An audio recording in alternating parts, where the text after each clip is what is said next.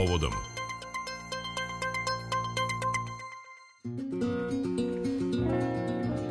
10 sati, 10 minuta, ovo je prepodnevni program Radio Novog Sada i ako ste planirali ovaj 3. januar da provedete u nekoj prepodnevnoj šetnji, evo informacija da je u Novom Sadu prema poslednjim merenjima 10 stepeni, dakle slična je temperatura u većini gradova u Vojvodini, sunčano, negde temperatura i iznad 10 stepeni. Što se tiče naše rubrike povodom, kao što sam i najavila na samom početku emisije, danas se nekako osvrćemo na godinu za nama, analiziramo je i donosimo neku retrospektivu e, i o tome su upravo e, u našem jutarnjem programu na Tri vode nedavno govorili gradonačelnici Novog Sada, Niša i Banja Luke. Najzanimljivije poruke izdvojio je za rubriku povodom Slobodan Vidović.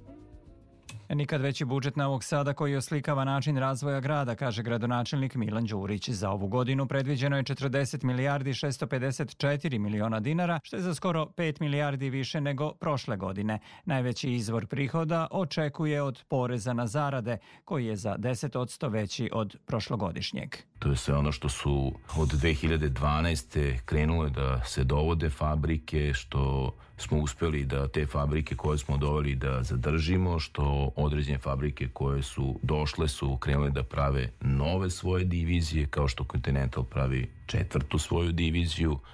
Prepoznao je grad, prepoznao je da grad se razvija i da grad za, zajedno sa naučno-tehnološkim parkom ima 17.000 studenta trenutno fakultet tehničkih nauka ima i to su ljudi koji će sutra imati gde da rade.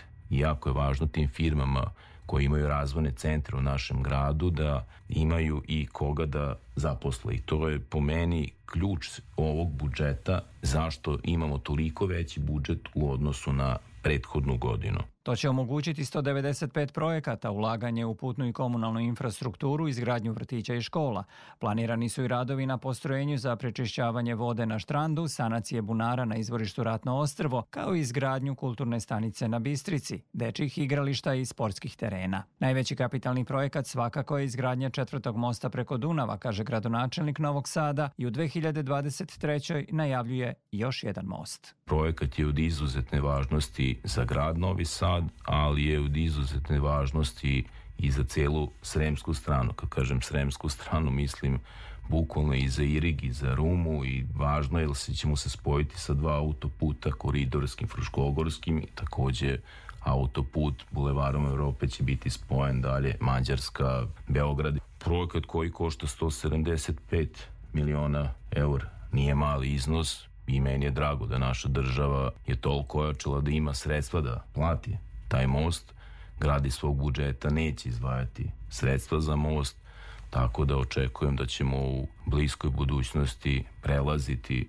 preko tog mosta. Stekli su se uslovi, Bulevar Evrope se izgradio, grad se širi. Videli smo i poslednji popis građana. Svi gradovi u Vojvodini opadaju s brojem stanovnika dok taj slučaj nije za Novi Sad i moramo što pre, kažem, da sagradimo i taj most, moramo što pre da krenemo sa pešačko-biciklističkim mostom na stubovima Franca Jozefa koji će i spojiti da kažem Kej i Petroradin, odnosno Petroradinsku tvrđavu, to će ujedno biti ako most sa dva lifta koji će ići ka Petroradinskoj tvrđavi, jedan novi simbol grada Novog Sada. Završava se projektovanje vrednost mosta, neka prelimirna procena u ovom trenutku je 4 milijarde dinara, radit ćemo zajedno sa autonom pokrenom Vojvodinom. Neka ideja da tu oko 2025. most završimo i da građani mogu komotnije da prelaze i da malo i otvorimo, kažem, i moramo otvarati taj sremski deo strane i drugo, da ljudi lakše dolaze do Petroradinske tvrđave, jer mislim ipak da je to gradsko, ali mislim i nacionalno blago koje mi imamo kao Petroradinsku tvrđavu. U toku je izgradnja i brze pruge od Novog Sada do Subotice, objašnjava Đurić. Radi se projekat, mi kao grad pomažemo ekspropriaciji zemljišta, odnosno rešavanju u Republičkom geodetskom zavodu parcele da država može da ih otkupi kako bi taj važan međunarodni infrastrukturni projekat mogao da se što pre završe, završi u roku i da imamo dalje spojenu Beograd, Budimpešta kao što je bio problem da li će se ikad izgraditi neka brza pruga, pa je bilo, to je nemoguće, Beograd, Novi Sad da se izgradi, građani vide da je izgrađeno, voze se, da je skraćen put i izgradnjom brze pruge imamo jedan drugi problem, ali kažem, problem koji je svakako rešiv i dobar, a to je da moramo što pre, što hitnije da se opredelimo za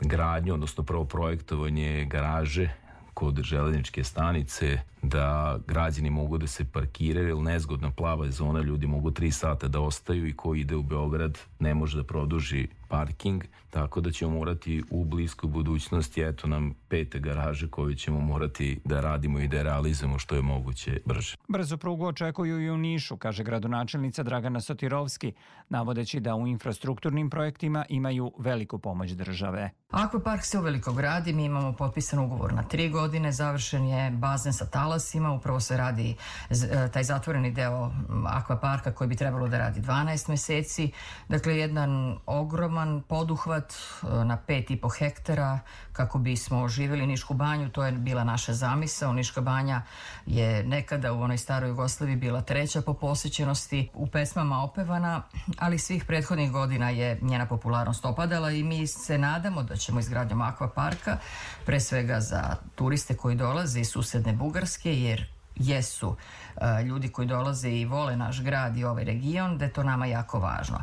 Sa druge strane, uz podršku e, jako velikoj i značajnoj ideji našeg predsjednika Aleksandra Vučića u vezi sa otvorenim Balkanom, verujemo da ćemo i tržište Severne Makedonije da, da dobijemo, tržište Albanije takođe, geografski smo jako blizu e, i mislim da taj geografski položaj Niš za koga kažemo da je na raskrsnici puteva, treba da iskoristi. Naravno, država nam u mnogo tome e, pomaže, otvorili smo mnoge projekte, dva kraka autoputa, odnosno koridora 10 ka istoku i jugu, nama kao gradu mnogo znače.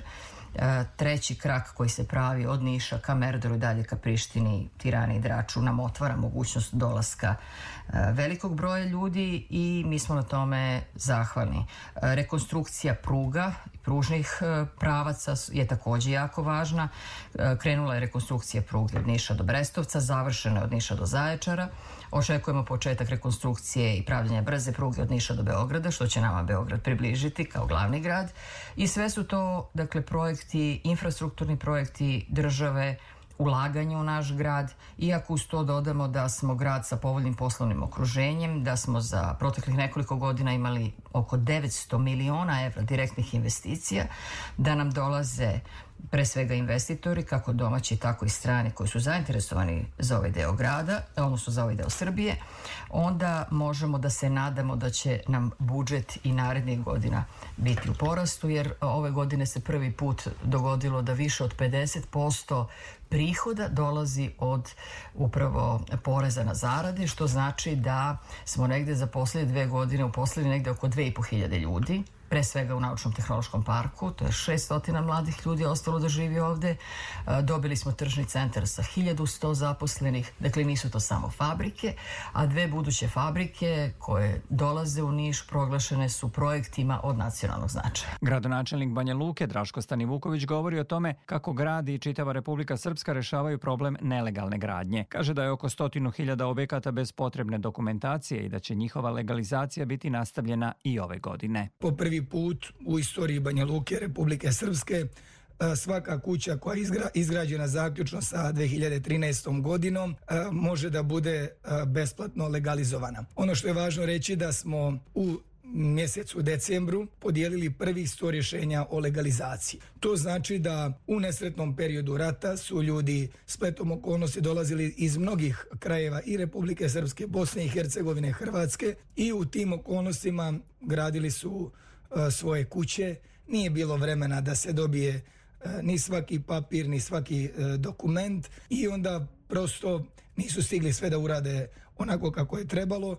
I poslije nekog vremena ta legalizacija koštala 10 do 15 hiljada konvertibilnih maraka.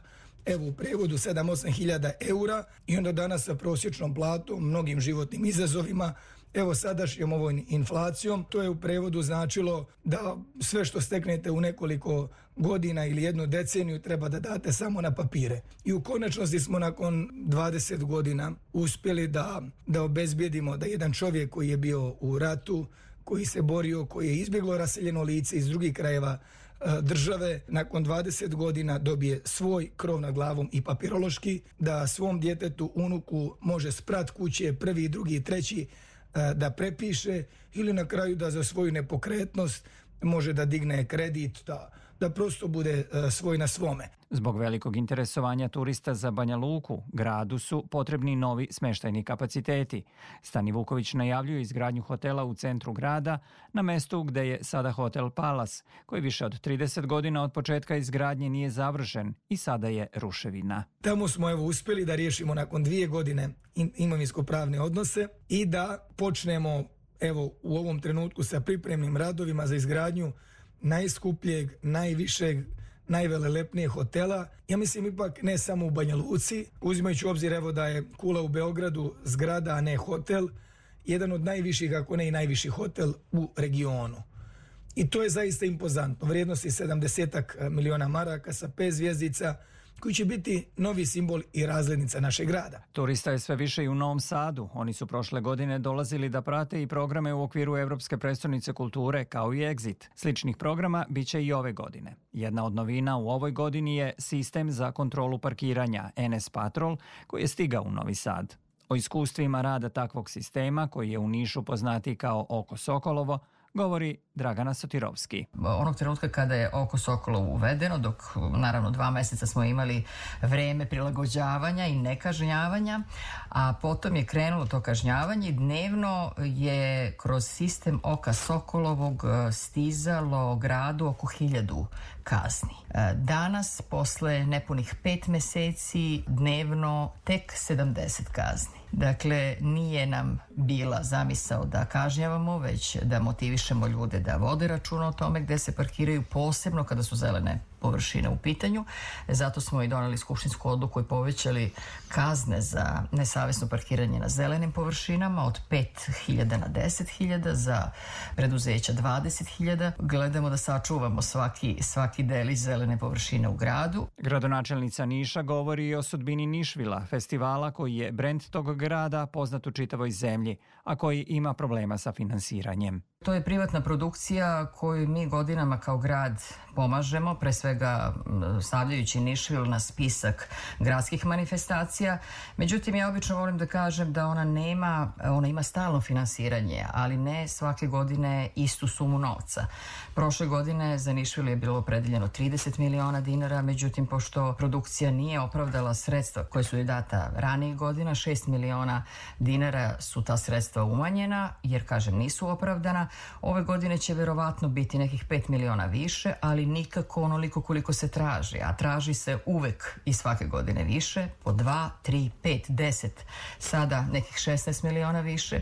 Gledat ćemo da maksimalno pomognemo sa sponzorima, dakle da ne ide sve iz gradskog budžeta, a istovremeno da apelujemo još jednom na državu da razmisli da li bi na taj način trebalo da kažnjava Nišvil s obzirom na to da ove godine iz eh, budžeta republičkog nisu dobili nijedan jedini dinar. O planovima u ovoj godini za Radio Novi Sad govorili su gradonačelnici Niša, Banja Luke i Novog Sada.